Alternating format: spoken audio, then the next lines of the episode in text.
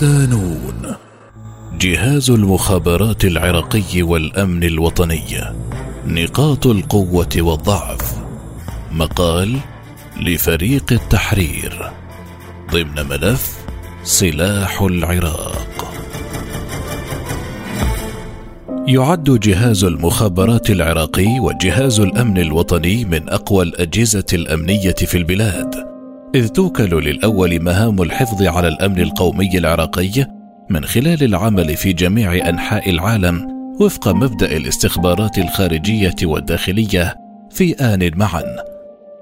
أما جهاز الأمن الوطني فيعمل على حفظ الأمن داخل البلاد من خلال تفعيل وحدات الاستخبارات الداخلية حيث يتجلى عمله داخل حدود البلاد وهو أشبه بمديرية الأمن العامة التي كان معمولا بها في العراق قبل الغزو الأمريكي للبلاد عام 2003 جهاز المخابرات العراقي.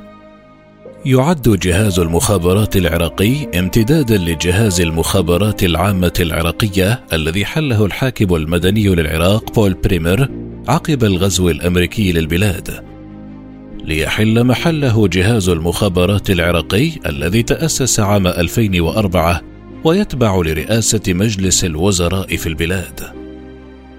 وفقا للموقع الرسمي لجهاز المخابرات العراقي يعرف الموقع مهامه بأنه يتولى مسؤولية جمع المعلومات وتقييم التهديدات الموجهة للأمن الوطني العراقي. ويقدم على أساس ذلك المشورة للحكومة العراقية والدعم الاستخباري للقوات المسلحة بمختلف صنوفها. أما الخبير الأمني حسن العبيدي فيرى مهام الجهاز على ذات النحو ليضيف لها أن جهاز المخابرات يتولى صلاحية جمع المعلومات وإدارة النشاطات الاستخبارية المتعلقة بتهديد الأمن القومي العراقي ومكافحة الإرهاب والتمرد والتجسس داخل البلاد. فضلا عن مكافحة الاتجار بالمخدرات أو زراعتها وتصنيعها مع متابعة الجريمة المنظمة وحماية الآثار والمواقع الحيوية داخل البلاد والموارد الطبيعية. أعداده وانتشاره. ويتابع العبيدي أن جهاز المخابرات العراقي يتولى كذلك مراقبة وجمع المعلومات عن البعثات الدبلوماسية ونشاطاتها والمنظمات العاملة في البلاد ومصادر تمويلها. فضلا عن اشتراكه مع بقية الوكالات الاستخبارية في مراقبة المطارات والمنافذ الحدودية البرية والبحرية والجوية. لا يعرف عدد منتسبي جهاز المخابرات العراقي ولا عدد ضباطه أو منتسبيه.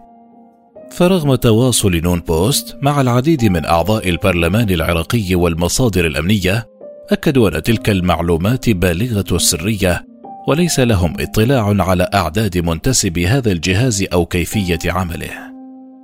وأوضحت المصادر أن هذه السرية من صميم عمل جهاز المخابرات في أي من دول العالم وبغيرها لن يستطيع هذا التشكيل الأمني المهم العمل بسرية ودون إثارة أو شكوك خاصة أن مبدأ عمل جهاز المخابرات يعتمد على الاختراق والدخول ضمن صفوف شبكات التجسس والجريمة. هذا وشغل منصب مدير جهاز المخابرات العراقي ثلاث شخصيات منذ إعادة تأسيس الجهاز عام 2004 فقد شغل محمد عبد الله الشهواني منصب مدير الجهاز بين عامي 2004 و2009 بينما امتدت فترة عمل زهير الغرباوي بين عامي 2009 إلى 2016 ثم خلفه في المنصب مصطفى الكاظمي الذي بدأ عمله في المنصب منذ عام 2016 وحتى عام 2020 عندما تولى الأخير منصب رئيس مجلس الوزراء وبات يدير الجهاز وكالة. عمل الجهاز وتسليحه. يتمتع جهاز المخابرات العراقي بكفاءات وموارد بشرية مدربة وعلى اطلاع كبير بأساليب عمل أجهزة المخابرات. وذلك بحسب الباحث في الشأن الأمني العراقي رياض العلي الذي كشف أن جهاز المخابرات لديه القدرة على الوصول لأي مكان في البلاد سواء بطرق مباشرة أم غير ذلك. ويتابع العلي في حديثه لنون بوست أن جهاز المخابرات يمتلك مختلف أنواع الأسلحة الخفيفة الحديثة جدا والمستخدمة في الخدمات السرية والعملياتية.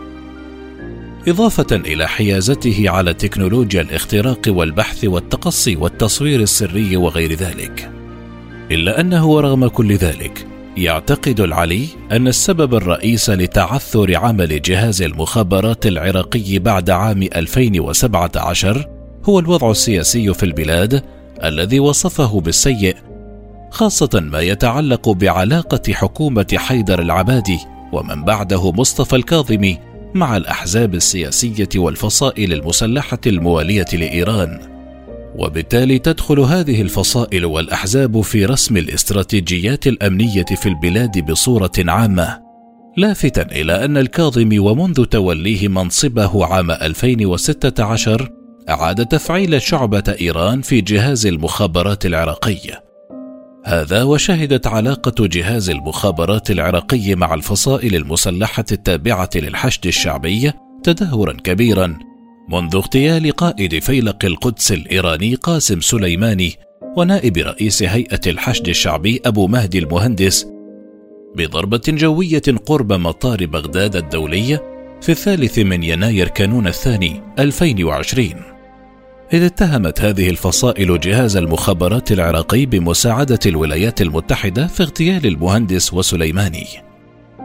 استطاعت الفصائل المسلحة الموالية لإيران اغتيال ثلاثة ضباط رفيعي المستوى في جهاز المخابرات العراقي، كان آخرهم العقيد نبراس فرمان شعبان الذي اغتيل في منطقة البلديات بالعاصمة بغداد في السابع من يونيو حزيران 2021 وقال مصدر أمني عراقي إن عمليات الاغتيال جاءت كرد فعل من الميليشيات تجاه ما يتم من تضييق الجهاز وتقييده لعمل هذه الفصائل المسلحة في مجالات عدة منها تغيير قيادات أمنية داخل الجهاز وإخراجهم من مناطق حساسة مثل المنطقة الخضراء ومطار بغداد الدولي إضافة إلى الاعتقالات التي طالت قيادات وشخصيات تابعة لهم مثل حسام الأزرجاوي وفرقة الاغتيالات في البصرة واعتقال قائد محور الحشد الشعبي في الأنبار قاسم مصلح. في الوقت ذاته كشف ضابط في جهاز المخابرات العراقي لإحدى وسائل الإعلام أن العقيد نبراس فرمان كان مسؤولا عن نشاطات المراقبة في جانب الرصافة من بغداد. كما تسلم مسؤولية رئاسة الفرق الاستخبارية المشتركة التي تعمل في جانب الرصافة وهي منطقة كبيرة ومعقدة وتشكل أكبر من نصف بغداد سكانا ومساحة.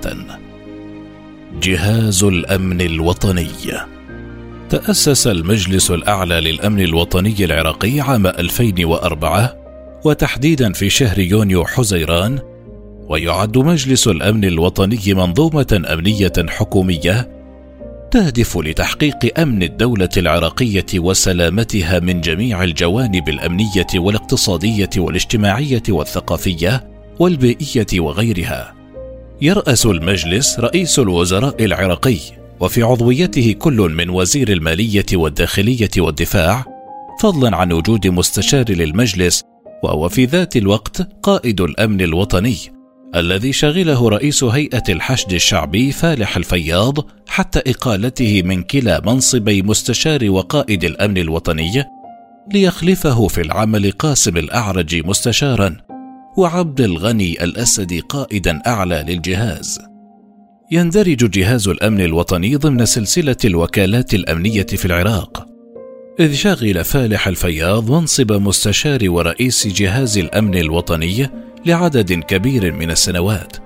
ثم أطاح الكاظمي بالفياض من منصبيه عام 2020 وعين قاسم الأعرج مستشارا للأمن الوطني.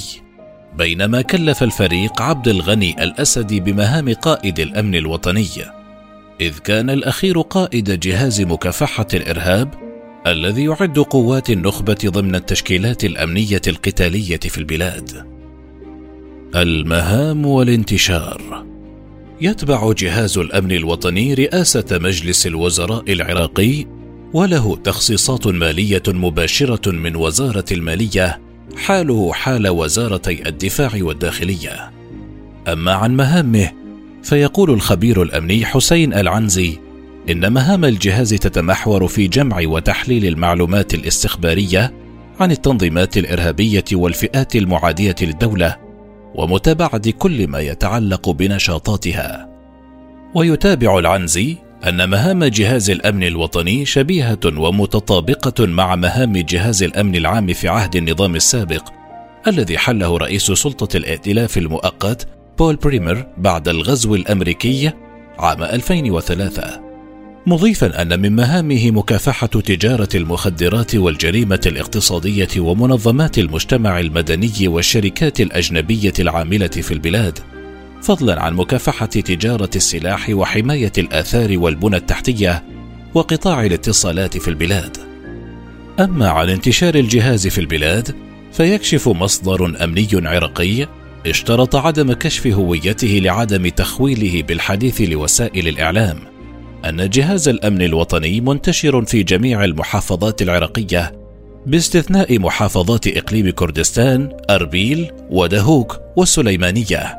وللجهاز مقر رئيسي في مركز كل محافظة فضلا عن فروع له في الأقضية والنواحي. ويتابع المصدر في حديث حصري لنون بوست أن الجهاز يتكون من آلاف المنتسبين بين ضباط وجنود دون تحديد العدد الفعلي. وله هيكلة خاصة ويرتبط برئيس جهاز الأمن الوطني الذي عينه رئيس مجلس الوزراء لافتا إلى أن للجهاز إنجازات كبيرة في مجال مكافحة تنظيم داعش من خلال عدد كبير من الاختراقات التي نفذها الجهاز خلال احتلال التنظيم للعديد من المحافظات كما أن الجهاز استطاع اعتقال آلاف المنتمين لتنظيم داعش عقب تحرير المدن عام 2017 بحسب المصدر الذي أكد أن جهاز الأمن الوطني يعد شبيها في عمله بجهاز المخابرات العراقي لكن عمله ينحصر داخل الأراضي العراقية. التسليح يتكون جهاز الأمن الوطني من العديد من الأقسام ما بين استخباراتية وعملياتية وبالتالي يشرف كل ضابط على مجموعة من المنتسبين وفق المهام والقسم والمنطقة التي يعملون فيها. كما أن الجهاز يعمل وفق سياقات خاصة يمتنع فيها منتسبوه عن ارتداء الزي العسكري إلا في حال عمليات المداهمة أو الاعتقال وذلك بحسب ما كشفه الخبير الأمني العراقي حسن العبيدي. وفي حديثه لنون بوست يقول العبيدي لجهاز الأمن الوطني علاقات مباشرة مع قيادات الشرطة والعمليات في المحافظات العراقية وتسليحه يشمل امتلاك مختلف أنواع العجلات المدنية والعسكرية المدرعة منها وغير المدرعة وفق القسم والمهام داخل الجهاز. إضافة إلى امتلاك الجهاز لمختلف أنواع الأسلحة الرشاشة والآلية الخفيفة والمتوسطة دون امتلاكه السلاح الثقيل الذي تنتفي الحاجة إليه داخل المدن بسبب طبيعة العمل الاستخباري للجهاز. وكان جهاز الأمن الوطني قد واجه الكثير من التهم المتعلقة بمشاركة أفراده في الفتنة الطائفية التي عصفت بالبلاد بين عامي 2006 و2008 فضلا عن اتهامات للجهاز باحتجاز مدنيين على أسس طائفية أو من خلال ما بات يعرف عراقيا بالمخبر السري. ويقول مصدر أمني عراقي في حديثه لنون بوست إن الأجهزة الأمنية العراقية كانت تعاني من العمل وفق المنظور الطائفي في السنوات السبعة الأولى التي أعقبت الغزو الأمريكي للبلاد عام 2003 إلا أنها وبحسب المصدر شهدت تطورا في المهنية وحقوق الإنسان فيما بعد. إلا أن هذه التصريحات تتنافى مع تقارير العديد من المنظمات الدولية التي أشارت لانتهاكات خطيرة لحقوق الإنسان متعلقة بجهاز الأمن الوطني. إذ كشفت منظمة هيومن رايتس ووتش في تقرير سابق لها أن جهاز الأمن الوطني احتجز في 2018 أكثر من 420 شخصا في موقع غير رسمي أي سجن سري شرق مدينة الموصل شمالي البلاد ولمدة تزيد على سبعة أشهر دون تقديم هؤلاء للقضاء والمحاكمة رغم المدة الطويلة لاعتقالهم. كما يتهم بعض ضباط جهاز الأمن الوطني العراقي بتلقي الرشا وبعمليات ابتزاز والمشاركة في العديد من الأنشطة الاقتصادية غير القانونية التي تتنافى مع مهام الجهاز جملة وتفصيلا. لا تزال الأجهزة الأمنية العراقية تشهد انتقادات كثيرة من المنظمات الدولية المعنية بحقوق الإنسان في ظل عدم شفافية هذه الأجهزة وعدم تطبيقها للقوانين العراقية المقررة والمعمول بها في البلاد في ظل تعدد الجهات السياسية المسيطرة على هذه الأجهزة. ورغم التغييرات الكبيرة التي شهدتها الأجهزة الأمنية العراقية خلال العامين الماضيين فإن غالبية المناصب الأمنية العليا لا تزال حكرا على قادة الأحزاب السياسية ومنها مستشار الأمن الوطني العراقي قاسم الاعرجي الذي يعد أحد أبرز القيادات في منظمة بدر التي يرأسها هادي العامري المعروف بقربه وولائه لإيران منذ ثمانينيات القرن الماضي.